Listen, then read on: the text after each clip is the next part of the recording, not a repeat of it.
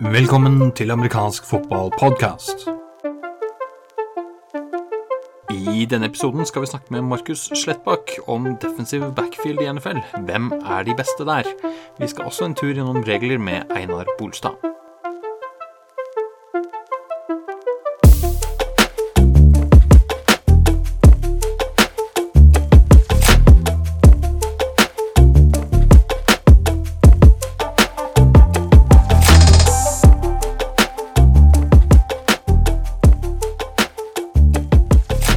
Vi er her med Markus Slettbakk. Hei, Markus. Hvordan går det?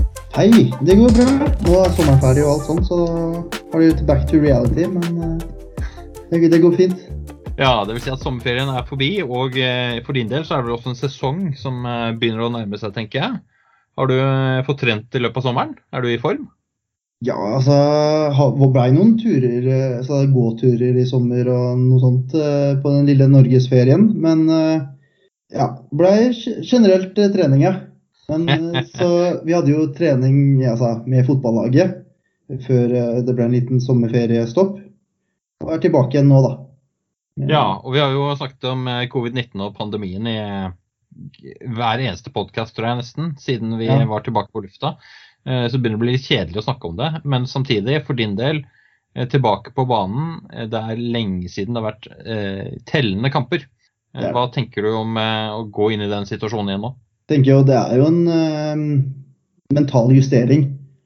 For å, bare, bare, det å ha taklinger igjen på trening uh, er noe man må bare omstille seg på. Fra å ha gått fra å ha to meters avstand og ikke kunne ta imot noen baller, til å plutselig så er det på med utstyr igjen og tannbeskytteri. To meters avstand eh, i amerikansk fotball er en litt annen idrett enn det det normalt er. Eh, noe som er også er litt annen idrett, i hvert fall hvis du tenker kvalitetsmessig, det er jo NFL, og det er det vi skal snakke mest om her i dag. Du Markus, har nemlig skrevet eh, en ranking ja. av de beste defensive backfield i NFL. Ja. La oss begynne med defensive backfield. Hva er det? Det er jo I hovedsak så er det jo cornere og safety og den gruppen det er, da. Og, de, og da er det jo både strong safety og free safety. Slott corner og corner. Utside og innside. Dette er jo um, en av flere rankinger som vi har uh, hatt uh, ja, siste månedene. Og mm. kommer det noen flere? Har du andre som er på vei? Ja, jeg tenker jo at uh, fortsatt vise den defensive siden av ballen litt mer kjærlighet. Så det kommer en også se på linebackere linebacker-gruppen og defensiv linje. For å komme fram til disse rankingene eller oversiktene på lagene, så må du jo se en del fotball. Eh, hvordan forbereder du deg før du liksom skriver en sånn type artikkel? Nei, det er jo eh, se litt på året som var. Se litt på da, statistikk som er da relevant til disse gruppene. Men det er jo å få med seg både kamper som var i 2020, av både hva jeg ja, og hva jeg husker av hva jeg så, men også hva som hva du hører litt rundt. da. For det, det er ikke nødvendigvis bare sånn at du skal se at de har én stjernespiller. Det er ikke, det er ikke, når jeg gjør disse, så er det ikke spillerranking. Det er jo lag, lagvis. Fordi det er vanskelig å kunne si at du har en god ja, defensiv backfield med én spiller. Ja, det er, det er, enheten du altså rangerer, og ikke ja. den enkelte spilleren eller de to-tre beste spillerne, for den saks skyld. Når vi snakker om det, så er det jo sånn at 2020 eh, var en sesong, og eh, vi som er veldig gode i matte, vi greier også å gjette at 2021 er en annen sesong. Har det skjedd mye endringer? Eh, hvis du ser på lagene som, og enhetene som var i 2020 versus nå, er det mye trades, er det mye draft som spiller inn? Hva tenker du om det? Det er jo noe, og det er også noe som er um, spekulasjoner, rykter som går rundt. Uh, spillere som kanskje ikke nødvendigvis um, var så fornøyd i situasjonen sin, som kanskje har blitt det nå. Som også er litt sånn Hvordan kommer dette til å samspille? Hvordan er da den interne dynamikken? Så, la, oss en, la, oss ta en, kikk, Markus. for Du har altså da rangert ti lag. Du er ikke veldig god i matte, men du har begynt på en tiendeplass i rankingen din, og så går den nedover da og så har du Eh, du skal ikke komme langt eh, i artikkelen før du ser at det står 8A og 8B. Stemmer. Um, ja, vi kommer jo ned til det, men jeg føler at det var to lag som var sånn cirka like i ja, hvordan man ser på det. Så det som sagt kommer jo litt, uh, litt mer tid, da. Som, ja, og de, de, lagene har mer til felles, det kan vi komme tilbake til om litt. Grann. Ja. Både, både, farger og by er noe å ta med seg der. Men vi begynner på tiendeplassen, og da har du tatt, uh, valgt uh, laget som uh, ikke engang gidder å ha et kallenavn. Stemmer. Washington Football Team, eller fotballaget Washington, som på tiendeplass. Det er jo ikke nødvendigvis de du tenker mest på med Washington, iallfall på den defensive siden. De har jo vært kjent nå de siste par åra av å bygge med en defensiv linje. Men igjen, det er jo en egen kommer vi tilbake igjen til en egen ranking. Det som er med akkurat her, du nevnte trades og um, draft. Her har de gjort det gjennom free agency. da. Signert, uh, signert noen nye spillere for å ta over litt av den uh, slacken som var fra året før. da. Og da er det jo spesifikt han William Jackson den tredje fra uh, Cincinnati Bengals som, som, kommer inn til Washington. Han har stått frem, i, i, fall i Cincinnati, og spilt uh, bra der de siste årene. Og nå kommer han til uh, hvor han kanskje får spilt med en uh, litt ja, kanskje ikke si bedre safety, men en kanskje litt mer fysisk safety i Landon Collins. Og samspillet der blir jo interessant å se, da. Og sa jo innledningsvis det skal ikke være rangering av individuelle, men samspillet mellom de to spesifikke spillerne er kanskje hvorfor det er på nummer ti, og ikke hvis det har vært lag med litt flere navn, da. Nettopp. Så, så, det er de som er de sentrale. Det betyr selvfølgelig ikke at det er kun to i backfielden der, for det hadde vært litt, eh, da hadde det ikke vært så bra for Washington. Men nei. Eh, Landon Collins, eh, siden du nevner han, og vi kan godt snakke om individer her underveis. Hvor tenker du at han er i karrieren nå? Det, har han en oppside nå, eller hvor, hvor er han der? Han hadde jo oppturen sin i, med eh, New York Giants. Det er jo der han ble drafta til. Mm. Eh, og Så spilte han jo bra der, og valgte å heller å signere da for eh, rivalen Washington i, for et par år siden. I fjor så var han vel litt skada, og så tror man at ja, nå er han ferdig. Um, jeg vil ikke nødvendigvis skyte fuglen så tidlig, eller karrieren hans så tidlig. Um, man har sett at man får han en ny spiller å spille med, så kan det gjøre mye for en safety At han slipper å tenke på den siden. da. Mm. Han kan heller fokusere på det han er god på, og det er jo å spille som en safety linebacker-hybrid. Han er jo fysisk eh, av seg. Det blir eh, spennende å se. Vi beveger oss videre ned til eh, nummer ni, og der har du en aldri så liten fisk. Fortell litt ja. mer om det. Eller fisk, det er en delfin i hvert fall. Delfin, ja. fra Miami. Den her kunne jo sett veldig annerledes ut om, eh, den, om Savian Howard-situasjonen hadde gått eh, annerledes, men der fikk de roa ned eh, spilleren. For han fikk kontrakt som gjorde at han var fortsatt best betalt på laget. Riktig. Han, han var med andre ord på vei ut? Han var så som på vei ut, og det var idet jeg skrev denne rankingen. så jeg tenkte sånn OK, må jeg endre, finne et nytt lag å putte inn her, eller men så venter jeg ok, bare skriv ferdig, så se hvordan situasjonen går. så det som er hovedsak med Dolphins, de har to gode cornere. Da Savian Howard, som har kanskje vært eh, den beste mann-mann-corneren i NFL de siste årene, leder jo, eh, hvis man ser på de siste er det to-tre årene, han er den som har fått flest interceptions. Og så signerte de jo i fjor eh, Byron Jones fra Cowboys, som også er en fysisk mann-mann-corner. Eh, så jeg snakket med, med Patrick Hamnøy rett før eh, tidligere i dag om hva er det som ja, skal til for en god DB-unit.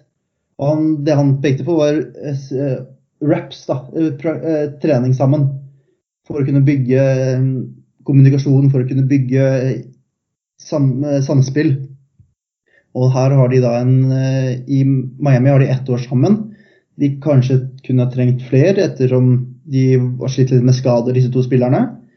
Men så draftet de Jevon Holland, fra, som skal spille safety, ettersom de kvitta seg med de fleste safetyene på laget. Så samspillet mellom disse tre da, er det som blir Om det blir suksess i South Beach eller ikke, er hvordan, hvor fort han Holland kan ta opp og komme på samme side, da, eller samme nivå som Howard og Jones. Ja, riktig. Og Patrick Hamnøy nevnte da antall repetisjoner for å bli sammensveiset og godt uh, samspilte som en enhet. For de som er uinnvidd, så er eh, Patrick Hamnøy da en eh, tidligere defensive back som selv også trener defensive back, og har gjort det i mange år. Mm. Vi går videre til 8A og 8B. Og ja. når, du skrev, når du skrev A og B, så må vi nesten ta dem De bor jo da tydeligvis i en vertikaldelt bolig her. Ja. Fortell litt om de to lagene. Ja, eh, så en liten twist eh, her, som man kanskje ja, Man vil jo prøve å avskille disse lagene så mye som mulig, eh, men det er jo vanskelig når de er som, som sier, i samme by og samme, deler samme stadion. Det er jo Los Angeles Chargers og Los Angeles Rams, A og B. Og ja, det er alfabetisk, ikke fordi at man har personlig preferanse for det ene laget fremfor det andre. Og som jeg nevnte litt, litt tidligvis, så, eller innledningsvis, så er det, de er relativt like med at de de har en eh, all pro-spiller. For eh, Chargers så er det da Derwin James, safetyen. Rams så er det kanskje den beste corneren i hele NFL, Jalen Ramsey. Som er da De er på hver sin posisjon, men de er fortsatt en all pro. Som vil vel si at de er ganske gode på jobben sin. Mm. Um, de, har eh, to, de har flere som er mer rotasjons-sidekicks. Så I Chargers så har du da Mike, eh, Chris Harris og Mike Davis, som er cornere. Eh, Chris Harris er fra Denver, til tidligere på Denver. Eh, kanskje jeg regna som en av de bedre slott-cornerne. Men litt eldre i karrieren. Eh, men på Rams derimot så har du noen eh, safeties som er relativt ferske, da. I Darius Williams blant annet. Uh, og så har du en, ja, en rotasjonscorner eller sidekick-corner som må steppe opp spillet sitt. Så det føler jeg relativt like um, lag sånn sett, eh, hvis du ser på det på den måten. De har én stor stjerne, og så et, et rotasjons-sidekick rundt da, som må heve. Bare for, for, eh, for, å klargjøre litt. Eh, du snakker om slot corner, sidekick osv. Noe, av dette ja. er, eh, noe av dette er roller, og noe er mer din egen benevnelse på det, eller hva tenker du om det? Ja, altså sidekick, da tenker jeg mer på Robin til Batman. hvis du skal si det, si det, på den måten. Ja, ja. slot corner er jo da den som nickel corner, altså den som vanligvis Du har da utsidecornere, og så har du da den corneren som følger mer den mindre ja, innsideresiveren, da, hvis du kommer ut til tre resivere. Riktig. Og for meg som har vært med veldig lenge i sporten, så er det sånn at uh, når jeg begynte, så var det uh, stilte offense gjerne opp i en uh, I-formation, og det var med andre ord uh, to wide receiver og en tight end, og, og, så var det noen runbacks, en fullback og en tailback. Mm. Og da stilte jeg gjerne defensive backfieldet opp med fire spillere. To corner, en free safety og en strong safety. Så har du ja. situasjonsbetinget, så vil du da ha såkalt nickel or dime, altså hvor det er flere defensive backs i NFL i dag så har man gjerne en situasjon hvor det er eh, fort det er flere receivere. Eh, mm. Og, eh, og, dermed så er vi inne på det du snakker om. ikke sant? Slått ja. corner og forskjellige den typen roller som kommer inn i tillegg til de cornerbackene. Eh, cornerback 1, cornerback 2 om du vil, og free safety og strong safety. Stemmer. Så da cornerbacker er de som vanligvis, som også jeg nevner i den rankingen, utsidecornere. Altså de spiller på sidelinja. Langs med sidelinja, som oftest. Det er der de stopp, står. da, og som ofte så er det også da den beste receiveren til offens står også ja, dekker av disse. Så eh, vi noterte oss Los Angeles Chargers og Los Angeles Rams. 8A mm. og 8B, eller åttendeplass, delt. Ja. Da kan vi bevege oss litt videre fra de fargene med gult og litt eh, blått til eh, nesten blodrødt, nemlig syvendeplassen. Der har du noen som eh, nylig har vunnet noe kjekt å vinne. Ja, world Champions, hvis vi skal si det på den måten. Uh, fall det, det, er det de selv liker å kalle dem. Uh, Iallfall fall Superbowl Champions. Uh, Tampa Bay, nei, Tampa Bay. Uh, ikke, to, ikke noe, dette er ikke noe Tom Brady, men da DBs-ene her. Noe som da var interessant å se på med akkurat Tampa Bay, var at er, her er det snakk om unge lovende. da unge spillere, ikke som ikke har nødvendigvis spilt så lenge på høyt nivå. I motsetning til jeg tror det er de fleste andre lagene på denne lista her, hvor du har kanskje én spiller som har spilt i x antall år. Um, det som er da morsomt med akkurat da Tempa, er du har spillere som ja, jeg nevner unge, men som må ha steppet opp tidlig. Må ha vist seg til å være gode tidlig, og det har de jo da tydeligvis klart. Og når de er så um, kall det unge og må spille sammen på den måten, så vokser de sammen. Da faller den der kommunikasjonen mye, mye bedre på plass, for da har de vært sammen og lært dette her. Dette er ikke noen som har plutselig kommet inn ja, med fem års mellomrom. Dette er snakk om tre til to år hvor de har spilt sammen. Eh, pluss den nye rookien, eller ikke den rookie i år, men i fjor, som var. Så en haug unge folk som kan vokse sammen. Er det sånn at det er en eh, mulighet for at uh, Tampa Bay har sikret seg noe klister rundt dem, og dermed så får du et fremtidig ikke Legion of Boom, men Legion of Doom, som det ser ut som med det hode, hodeskallen på ja. logoen deres? Det skal ikke se bort fra det. Altså. Hvis, hvis, de klarer å, som de har vist, å beholde på sine egne internt spillere, er dette her en gruppe som kan være artig å følge med på. Mm. Og eh, du var så vidt innom eh, Tom Brady. Ja. Han eh, er sikkert eh, stygt og vondt og sårt savnet i eh, Boston-området, og dvs. Si New England. Men uh, du har jo greid å plassere den enheten som er defensive backs uh, og defensive bakfelt, uh, på en sjetteplass her. New ja. England Patriots. Fortell mer om den gjengen. Jo, og her er det da mer, som jeg nevnte, kanskje hvor du får denne veteranen da, som har spilt i dette systemet her, med, og med Bill Belichick i noen vil kanskje si altfor lenge, men jeg selvsagt snakka om McCourty. Og de, der var det jo de McCourty-tvillingene, nå er det bare én der.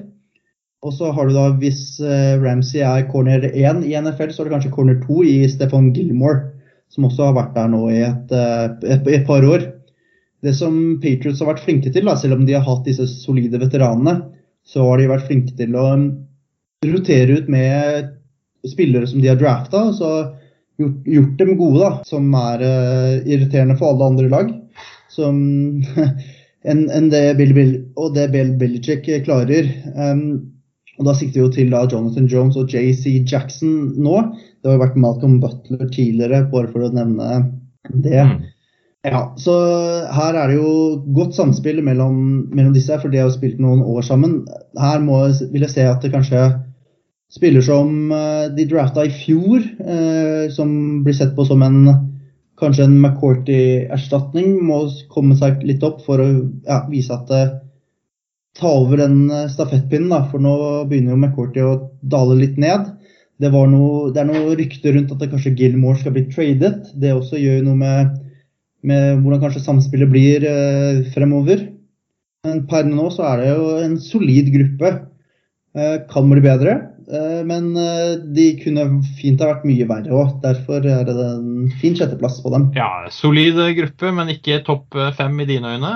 Hvis vi går mm. videre til topp fem, så beveger vi oss litt lenger sør fra New England og til et lag med ganske like farger som dem. For nå kommer vi til New York, og det er ikke Jets.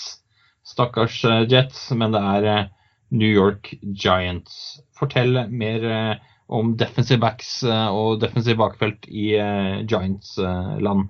Igjen her så har du da denne si det veteranen, veteran safety, litt hybrid, både slott, eh, corner safety.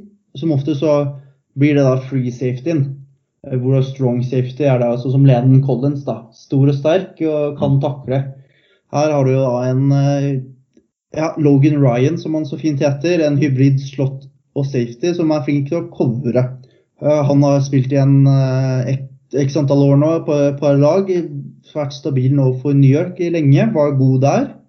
Har fått seg en, uh, en god partner i Peppers, som kom fra Cleveland, for, i en trade med Beckham. Som er da mer den strong safety-rollen, som kan spille litt, litt alt over. Mm, de har eh, gjort litt bra i free agency. Det er der de har styrket mest. I eh, Bradbury, eh, altså James Bradbury, som tok virkelig altså det, det, steget han gjorde fra Panthers til nå Giants, er noe veldig få så komme. Han var en veldig en signering som gikk litt sånn under radaren for de, for de aller fleste. har virkelig bevist seg nå. Så håper de kanskje at det samme skjer for tidligere førsterundevalget fra Tennessee, Dory Jackson. Uh, det er som også Logan Ryan har spilt med tidligere, så det var det de håpet på. at Da kommer fortsatt terminologi kanskje til å være mer, kommunikasjonen til å fortsatt uh, være god da, mellom safety corner. Og så har de en safety som igjen kanskje en mer typisk free safety, som kan gjøre at Logan Ryan kan spille corner, alt, eller ja, slot corner. Dette er jo noe vi må følge litt mer med, men fra Alabama, som har også vist at de har klart å skape ganske gode NFL-spillere. Var skadet i fjor, men eh, det håper de at, eh, ja, at han ikke blir skadet i år. da. Og da er Savior Xavier McKinney, som eh, jeg har, har, valgt å sette på femteplass pga. potensialet hans, egentlig. Så det, der kan jeg se Spør meg igjen om jeg hadde lyst på det på slutten av året, hvordan den rankingen er da. Nei, jeg, jeg tror på han McKinney, og at han kan være en type wallhawk dypt i bak, bak i banen der og følge litt godt med. Vi beveger oss videre inn i topp fire, og vi holder oss i staten New York. og Da er vi videre til eh, Buffalo, samme farger omtrent. Buffalo Bills har du også valgt som eh, La meg stille det spørsmålet, da. Hvis du vurderer New York Giants til femteplass på denne enheten, mm. og Buffalo Bills på fjerde, hva er det som skiller, hva er det som gjør at, at du tenker at Buffalo Bills er bedre? Det er eh, dette som både Hamnøy var, var inne på tidligere, men det er repetisjonssammen. Her har du Jordan Poyer, Marka Hyde, kanskje den beste safety-tandemen i hele NFL. Eh, men som vi vet, det er jo mye mer til en DB-gruppe enn bare safety.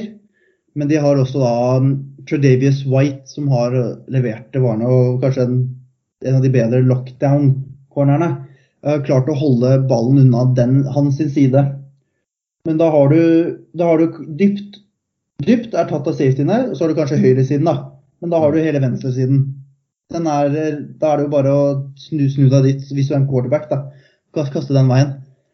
Der føler jeg at det uh, er litt mer, litt mer spørsmålstegn rundt. For de har vist potensialet, men ikke vist det stabilt over en sesong. Da vil jeg jo si at Jordan Poyer, Micah Hyde og Tredavious White veier, har vist det mer, veier mer i form av produksjon enn det Giants har. da. Og så skriver du også på Buffalo Bills at uh, dette er noe jeg kommer til å øye med under preseason og training camp, altså under forsesongen og treningsleiren. Og vi er jo eh, kommet forbi uh, Vi er kommet inn i forsesongen. Det har vi. Har du rukket å holde noe øye med dem, eller ja, får du Det har vært spennende å se hvordan de løser dette her, men det er jo som sagt Jordan Poyer, Mike Hyde blir safetyene. Trey Davies White er corner 1 så har det vært en god kamp da, eh, i, i treningene mellom eh, Ikke fysisk kamp, selvsagt, men eh, en god med han Levi Wallace og Taron Johnson på hvem som tar da corner to og tre. Da. Det er en interessant kamp der som internt, og som da Buffalo Bills må ta en avgjørelse på. Men det, ja, du, du tenker at den kampen er ikke avgjort, eller i hvert fall har ikke du greid at den er avgjort ennå? Det er den ikke. Nei. Vi, kom, vi kommer inn i topp tre, Markus. Ja. Eh, og der er det skifter vi litt eh, vekk fra disse kjedelige blå og røde draktfargene over til noe skikkelig bra fargemessig, nemlig Cleveland Orange. For det ja. er laget på tredjeplass. Cleveland Browns, klassisk Cleveland lag. Browns, de tar bronsen. Ja. Eh, fortsatt ikke ferdig med OL her ennå. Um, de, de, tar bronsen her akkurat nå. Um, hva skal vi si her, da? Det er uh, nye spillere overalt. Og hvorfor er det da tredjeplass? Nei, det er da navn og navn.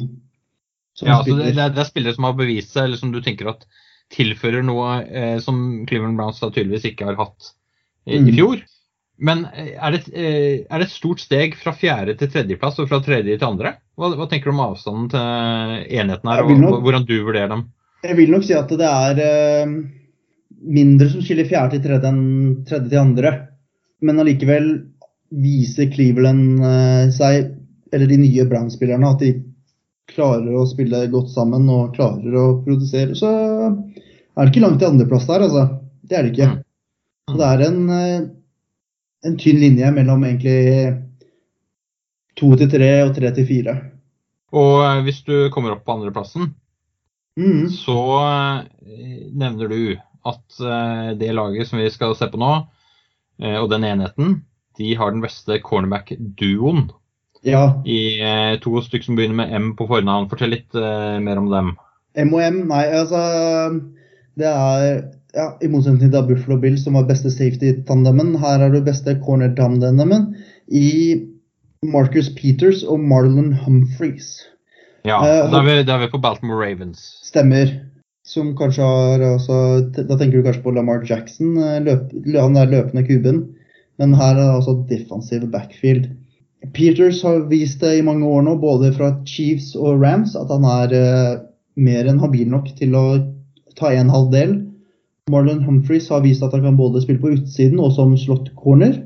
Og har vært en av de beste, hvis man skal følge altså noen rankinger, så en av de bedre selve corner. Og, og her eh, klarer de da å forme en god partnerskap. De klarer å håndtere én mot én receivere. De trenger ikke så veldig mye safety-hjelp. De er raske, de klarer å holde følge. Og, så dette her er um, blir morsomt å se hvordan de kan bygge på årene de, de har hatt, for de har vært uh, veldig gode. Og grunnen til at de ikke er høyere, er rett og slett uh, rundt. Uh, de savner en safety som Hadde de fått en Ed Reed-safety, da, for de som tar den referansen, så kom vel inn i, ble vel offisielt i Hall of Fame for ikke så altfor lenge siden. Det var vel i 2019, hvis jeg ikke husker helt feil. Men eh, ja, en sånn type spiller da, er vel det de mangler for å bare være helt på topp. Ja, Ed Reed er selvfølgelig et generasjonstalent av de helt unike. Så, eh, men det sier du da, at Baltimore Ravens har ikke den eh, spilleren. Eh, og du nevner ikke safetyene på samme måten som at de er like gode som cornerne. Som andre ord, eh, hvis jeg driver og bygger et lag, så kan jeg for så vidt greie meg de beste cornerne eller cornerparet i ligaen, og så kan jeg greie meg med litt dårligere safetyer. Er det det Baltimore Ravens har nå? Ja, hvis det hadde vært safety på lik nivå som disse to cornerne, så hadde det jo vært en helt annen snakk her. Men eh, så lenge du har safety som klarer å holde, være dypeste mann så, og klarer å lese hvor ballen går, så får du da en ekstra cover, covermann på da Peters og Humphreys, som igjen klarer å følge med de fleste receivere én mot én. Og som du nevnte, hadde de hatt eh Ed Reed, eller må nesten bli sønnen til Ed Reed, så hadde de kanskje vært oppe på en førsteplass. Men der er det et annet lag som får uh, lov til å være lederhesten. Uh, og det er da selvfølgelig Denver Broncos du har plassert der. Det har jeg. Rett og slett fordi de var kanskje først beste i, fjor, i fjorsesongen. De har vært, som jeg nevnte, med Chargers, at Chris Harris spilte der. og var kanskje ja, beste slåttcorneren eh, på ti, ti, år som spilte der. Så de har hatt gjennom ja, si ti år, da, har de hatt et habilt topp tre defensive back, backfield. Grunnen til at de er eh, nummer én i år, er fordi at de har gjort en helt enorm jobb med å forsterke den. De fikk kanskje den beste corneren i hele draften, i, i, som var ja, i college i fjor i Patrick Surtain den andre. De fikk også Kyle Fuller, som var beste corneren til Bears. Som Bears valgte å la Ja, de kutta han rett og slett. Og da kom Denver inn og plukka han opp. Som om de trengte å bli noe sterkere akkurat der, men uh, men et, et, spørsmål her når det gjelder spillere som blir kuttet og sånne ting. For det, det ja. kan jo finnes mange grunner til. Det kan være økonomisk, eller det kan være fordi det er dårlig innflytelse på forskjellig vis. Stemmer. Vet du noe om situasjonen med følger der? Er det økonomiske motiver som ligger bak? Det er økonomiske motiver som ligger bak. Det var det som kom frem da. Det er det som fortsatt velger å sies. Eh, de valgte heller å kutte han for å bli sterkere, eller for å kunne kanskje betale noen av de linebackerne de har. Eller beholde ja, Mac, da. Når kontrakten hans går ut nå snart. Det var rett og slett eh, økonomisk. For alt jeg har hørt eh, alt jeg har lest eh, med Fuller, var at i hvert fall han var godt likt internt. Ja, riktig. Så i motsetning til hvis Lillestrøm Starfighters kutter en spiller, som sannsynligvis har med dårlig stemning, så ja. kan også man spille så godt man vil og være så snill og grei man vil, eller tøff man vil, for den saks skyld. Men hvis totale summen av hva laget som helhet kan få til, gjør at, at du må ut økonomisk, så, så må du ut. Og det er det vel Fuller har blitt offer for, om du vil. Ja, man må jo fortsatt ikke tenke at Eller glemme da, at NFL er fortsatt en business. Mm. Det er kronene og ørene på til slutt som fortsatt har noe å si her. Um, så det er synd hvis man var Bears-fan. Uh, ikke at jeg kjenner så mange, mange Bears-fans, men uh, de er vel der ute, tenker jeg. Trist å se at han dro til Denver sånn personlig. Uh, det var snakk om et par lag han kunne dra til. Og ja, nå endte det opp som det endte opp. Så får man bare ta det som, som det er. Men dette ja, er, men det, det endte opp på den måten at, at Denver er enda mer forsterket enn det var. Ja. Og så nevner du at de har vært eh, topp tre-ish på denne enheten i NFL i lang, lang tid. Mm. Nå blir det definitivt ikke svakere av det. Nei, du, du tenker med andre at han, han, går rett inn i en starterplass. Eh, ja. hvordan, hvordan funker dette her? Har de, har de, hatt noen kamp om starterplassen? De så, har de en dybde i tillegg til de som er starter startere her? Det har de. De har, de har dybde. Eh, de har da Kyle Fuller, som mest sannsynlig blir for én side. Så har de Bryce Callahan, som han så fint heter, som har tatt over slått-nikkel-rollen. Og så er det da en plass for ja, en kamp om da den siste, eller starterplassen, da, corner. Det jeg derimot ser for meg at det kanskje den vi gjør, er at de roterer godt på dette. her, Alltid har friske bein inn. For de har, har mannskapet til det. Og da er det sånn Har du gode, habile cornere som alltid er raske. Ikke slitne og ikke må ut eller har stølhet i Kanskje ikke de er så veldig støle som det vi er her i Norge men eh, et, et, etter første quarter, men i hvert fall. Det er, det er eh, skummel tanke, altså. Og det må de jo. De er i samme division som Patrick Mahomes. Så da må de jo få svar på det, da. Og det har de gjort. Ja, det er eh, verdt å merke seg at disse lagene skal jo spille mot noen også. Ja. Så de spiller ikke nødvendigvis like mange kamper mot samme motstander alle. Og Det har også en betydning for hvordan forskjellige lag satser på forskjellige posisjoner.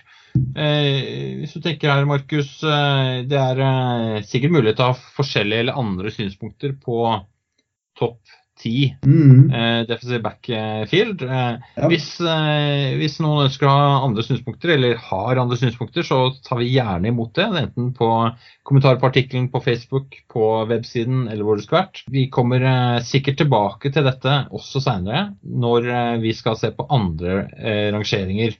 Er det sånn at det er rett rundt hjørnet med neste rangering, eller er det langt unna, tenker du? Nei, nå må vi jo følge dette, dette defensive toget videre vi starta bak, bakerst med DB, så tar vi et skritt nærmere i linebackere. Som rett rundt hjørnet vil jeg kanskje si er vel beste måten å si det på. Ja, og eh, den artikkelen som eh, vi nå refererer til, og den rankingen som vi har gått gjennom eh, nå med defensive backs, den finnes på amfotball.com, websiden der. Og jeg er helt sikker på at vi greier å linke til den via forskjellige andre steder. Hvis du da ønsker å lese det i tillegg til at vi nå Vi har jo faktisk snakket oss gjennom det, Markus, så man har fått rankingen ja. Og eh, Det blir spennende å se hvordan du setter opp på linebackere og eh, ikke minst eh, den posisjonen du selv gjerne spiller på banen, nemlig defensiv linje. Markus, tusen takk for at du tok deg tid til å være med oss i amerikansk fotballpodkast. Jo takk, det var bare hyggelig. Vi er klare til å snakke med Einar Bolstad om regelendringer.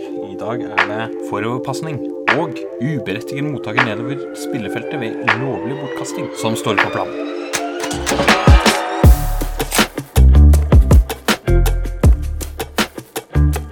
Vi er her med Einar Bolstad, og da er det regler som står i sentrum, og eh, ikke minst regelendringer. Vi har eh, snakket med Einar en del eh, i løpet av de siste podkastene som er tatt opp, og vi har kommet til de siste får vi si, Einar, to reglene som vi skal innom, som er regelendringer før vi liksom nå eh, går inn i en sesong, som jeg håper og antar at vi gjør. Det vi skal kikke på i dag, eh, har med pasninger å gjøre, eh, eller pasningsspill å gjøre. Og et par forskjellige ting som har dukket opp der. Det første er den morsomste av dem alle. Hvis vi ser kun på titler og antall ord. Det er nesten sånn at Twitter ikke holder. Uberettiget mottaker nedover spillefeltet ved lovlig bortkasting. Eh, og da, Det var mange ord. Eh, men eh, de som kan regelboka, de kan også en del ord. Hvis ikke så hadde de ikke kommet seg gjennom en promille av den. Spillefeltet, det er nå greit nok. Men lovlig uberettiget mottaker, hva, hva er det vi snakker om her, Einar? Da snakker vi om de uberettigede mottakerne. Det er jo de spillerne på offense som ikke har lov å ta imot en foroverpasning. Så i praksis så snakker vi da om center guard tackle. Det kan selvfølgelig være annet enn det også, avhengig av formasjon og andre ting. Men stort sett på et vanlig spill der man har stilt opp på en vanlig måte, så er det center guard tackle. De kan du ikke kaste en foroverpasning til, og de benevnes uberettigede mottakere, eller på engelsk ineligible receivers. Ja, og det, det er, Hvor langt nedover er vi på banen når vi snakker om det for øvrig? Eh, altså, det som, eh, det som Nei, det som er, er ikke på jakt etter reglene. Jeg, jeg tenker situasjonen hvor Eh, hvor det er, eh, du, du, får nettopp det. Du får et eh, flagg på eh, det er en spiller som har vært nedover banen, som ikke er berettiget til å være det. Han er ikke berettiget mottaker. Mm. Den typen spill, hvor langt nedover er vi før vi snakker om at han, han er det? Tre yards. Uh, en spiller som ikke har lov til å ta imot en forutpasning, har ikke lov til å løpe mer enn tre yards downfield før pasningen blir kasta. Om pasningen også krysser, krysser nøytrale sonen også, en endring, også et forskjell mellom oss og NFL. Så om du har det som kalles for en, en screen, altså du kaster en forutpasning som blir tatt imot bak mm. neutral zone, da kan du løpe så langt ned som helst når du vil. Men på et vanlig pasningsspill så kan de uh, center guard tackle, for om vi holder oss til det enkle og det vanlige, de kan løpe maks tre yards forover eller downfield før ballen blir kasta. La oss snakke også om eh, en annen bit av dette. her, for dette, Her snakker vi egentlig om elementer som til sammen blir et eller annet. Og ja. lovlig bortkasting. Hvis vi tar eh, ulovlig versus lovlig bortkasting, hva er det vi snakker om da? Det er jo eh, passeren, eller det som vi gjerne refererer til som, som quarterbacken. Trenger ikke være han som er oppsatt som quarterback, men er jo, oftest er det jo han, da. Han kan jo ikke fritt, han eller hun kan ikke fritt kaste en incomplete pass for å unngå å bli eh, taklet eller sacket. Da. Det er eh, noen Har han lyst til å kaste bort ballen uten at en mottaker skal være i området, så må han eh, oppfylle en del eh, kriterier. F.eks. da løpe ut av tackleboksen og kaste ballen forbi scrimmage-linjen, forbi den linja der spillet starta. Da kan han lovlig kaste bort ballen. Og det er det unntaket som vi snakker om nå, som er nytt, i hvert fall i regelboka er det nytt, det sier at om han gjør det, han eller hun, quarterbacken eller den som kaster ballen, kaster bort ballen på en lovlig måte, så løper ut av tackleboksen og kaster den forbi neutral zone, da bryr vi oss ikke om en av disse folka som da ikke er berettigede mottakere, har løpt for langt eller ikke. Nei, for det er jo egentlig irrelevant i den situasjonen. Ja, Mm. Og, det, det, er forskjellen her, at, at, man eh, Sånn har det kanskje blitt dømt hele veien, eller? Det har vært en, en tolkning. Eh, og når det gjelder regeltolkninger, så er det noe man kan lage mange episoder om. Men du har regelboka, og så har du noe som gjerne refereres til som philosophy, eller filosofi, eller regel, rules application osv. Altså hva, hva tar du ut av regelboka og faktisk dømmer på ute på banen. Eh, og i, også, som er et dokument. Eh, som er, som er, et langt dokument som det sier at eh, det regelbruddet her, ja, da skal du se etter det og det og det før du faktisk kaster flagget. Selv om det i regelboka står noe annet. Eller der, der, i regelboka så gir det ikke noe rom for tolkning. I virkeligheten er det tolkning. Og akkurat den endringen vi snakker om nå, det har vært en sånn vedtatt eh, tolkning at vi kaster bare ikke flagg på det. Og så har den blitt så veletablert og satt seg såpass at man har sett da fra, fra regelkomiteens side at la oss bare få det inn som en regel. La oss bare ha det skriftlig i regelboka, for det, det, er, sånn, det er, sånn, det dømmes alltid. Så la oss bare gjøre det offisielt. Mm. Er, er, dette fra, rett fra college-reglene, eller er det IFAF-regler? akkurat denne punktet? Det kommer fra NCAA, ja, fra college. Ja. Mm. Vi bruker jo, du kan si at sånn dommermessig så er eh, våre, eh, våre tolkninger og våre måtene vi appliserer reglene på, er i stor del, da, ikke utelukkende, men i stor del henta fra, fra, college. Mm. Både regel og, og, hvordan de appliseres, eh, har et uh, felles uh, opphav i, i, i, USA, selv om det ikke nødvendigvis er identisk. Ja, og basert på at her så kan man si, fortsette å gjøre det man har gjort, men nå har man, måte, har man det skriftlig òg. ja. Så bør ikke dette bety de største endringene for noen som helst, egentlig. Nei, men det kan være, kan være greit å, å, vite hvorfor det ikke kommer et flagg på et sånt spill. Mm. Uh, så, så, slipper man å bli uh, sint på dommerne av den grunn. da kan man, mm. man vente til man har en bedre grunn. Den siste regelendringen vi skal se på, den heter noe så enkelt som foroverpasning, og da er det ikke det at eh, det har blitt forbudt igjen eh, etter eh, over 100 år. Det hadde vært en interessant vri som kanskje hadde gjort at det endelig kunne spille litt single wing igjen. Men kan du kunne fortelle litt hva det, hva som er endringen her fra tidligere? Dette tror jeg Om jeg sier tuck rule, så tror jeg mange som har fulgt med på NFL, får noen bilder. Tuck rule. Jeg tror til og med NFL Films har laga en film om tuck rule og hvordan den regelen ble endra i NFL. Så, så, ja, jeg ser for meg Tom Brady med en gang. Vil... Ja, det, det, tror jeg er helt, eh, helt riktig. Eh, mot om det var Tampa Bay eller det, det, husker jeg ikke helt, men det var i hvert fall Brady. Eh, var det Raiders, kanskje? Jeg mener det var Tampa, men det kan, det kan godt vært Raiders. Ypperlig. Og da, da, får lytteren noe å sjekke opp, for det kommer ikke vi til å gjøre nå. Men eh, Einar eh, Tuckerell, eh, ja. forklar litt allikevel. Selv om kanskje en del lyttere umiddelbart tar koblingen, så er det ikke sikkert at alle gjør det. Nei, sikkert ikke. Det handler jo om når en quarterback, eller en, passer, da, som vi kaller det sånn rent regelteknisk, står med, med ballen og ser etter en, noen å passe til, og så begynner vedkommende på pasningsbevegelsen. Tar opp arma og begynner å bevege den forover for å kaste ballen. Så eh, av en eller annen eh, grunn så finner quarterbacken ut at nei, jeg har ikke lyst til å kaste ballen likevel. Og begynner da å trekke eh, ballen tilbake mot kroppen. Om da vedkommende mister ballen, da er det jo et spørsmål om, om det, er dette en, en fommel, eller er det en, en, en pasning som har gått i bakken? Okay, okay. Her, her, må vi stoppe litt. Fommel er et begrep som Hæ? Fommel? fommel. men mener du, mente du nå å si fumble? Jeg mente ikke det, eh, selv om det er akkurat det samme. Dette er altså et eksempel hvor eh, og Jeg liker jo begrepet fommel, for det minner meg på en aprilspøk vi kjørte et år i podkasten, hvor vi sa at alle 25% av 25% av kampene skulle bli dømmes på nynorsk. Eh, og eh, vi måtte forklare hvordan, du, hvordan eh, fommel, da, f.eks. som et begrep, gikk fra å være én fommel, flere fomlararar på nynorsk. Ja. men, men fommel, hvorfor har man valgt altså, Fumble er vel et uh, greit begrep, men på norsk så, ja. så har vi litt uh, varianter. Hvorfor ja, det? Altså, fummel er et norsk ord, og uh, jeg mener å ha hørt, eller jeg har hørt, jeg har hørt at, at ordet fummel faktisk har norrøn opprinnelse. Så at det er vår gave til amerikansk fotball.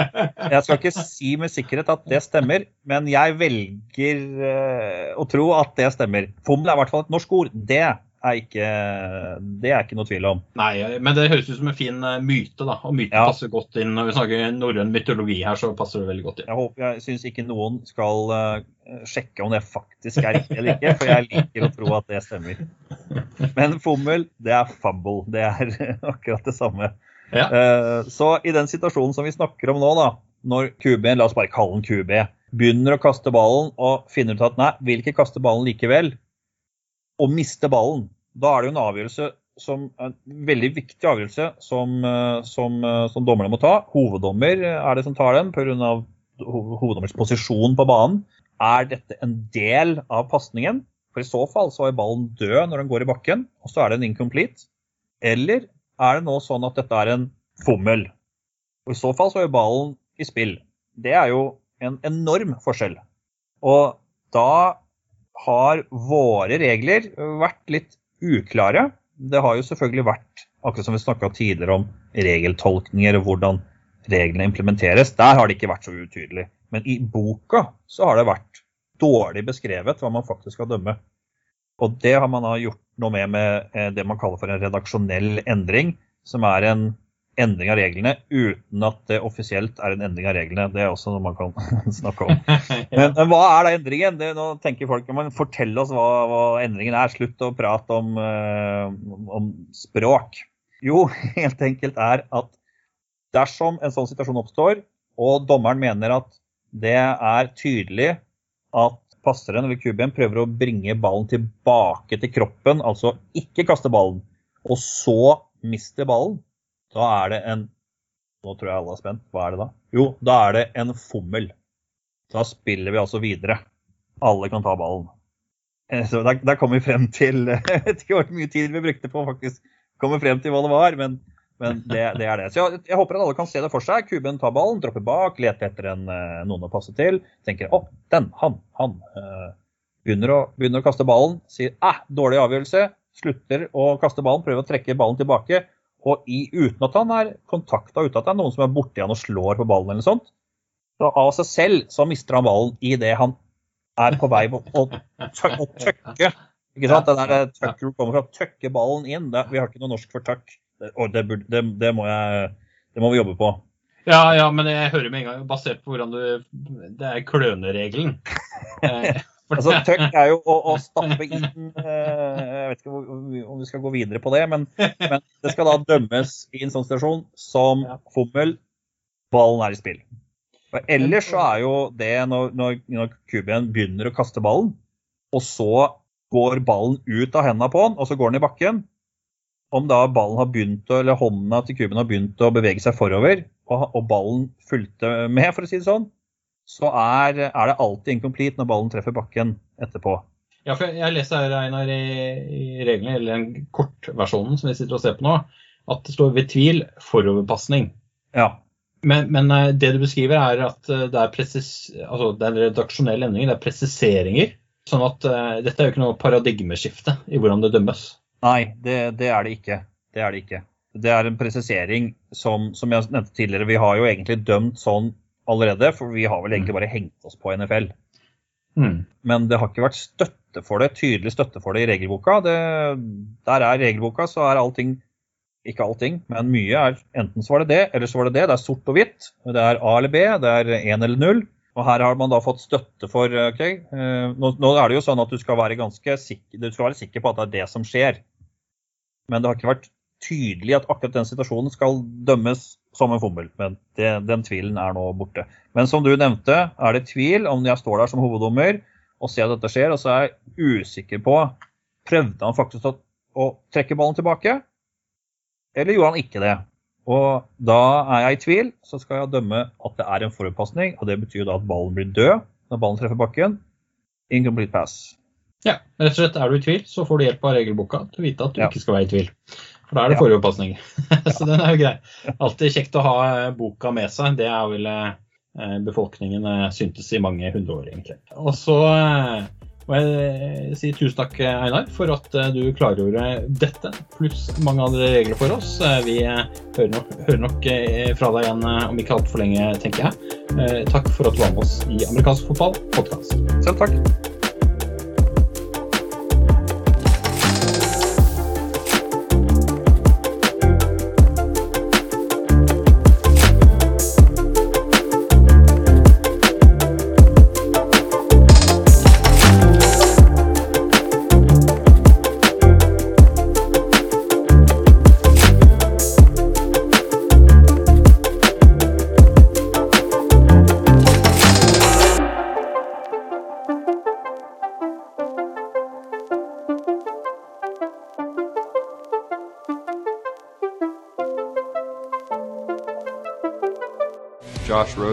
Quarterback UCLA. I'm absolutely the best quarterback in the draft um, by far. I'm coming for Tom Brady's record.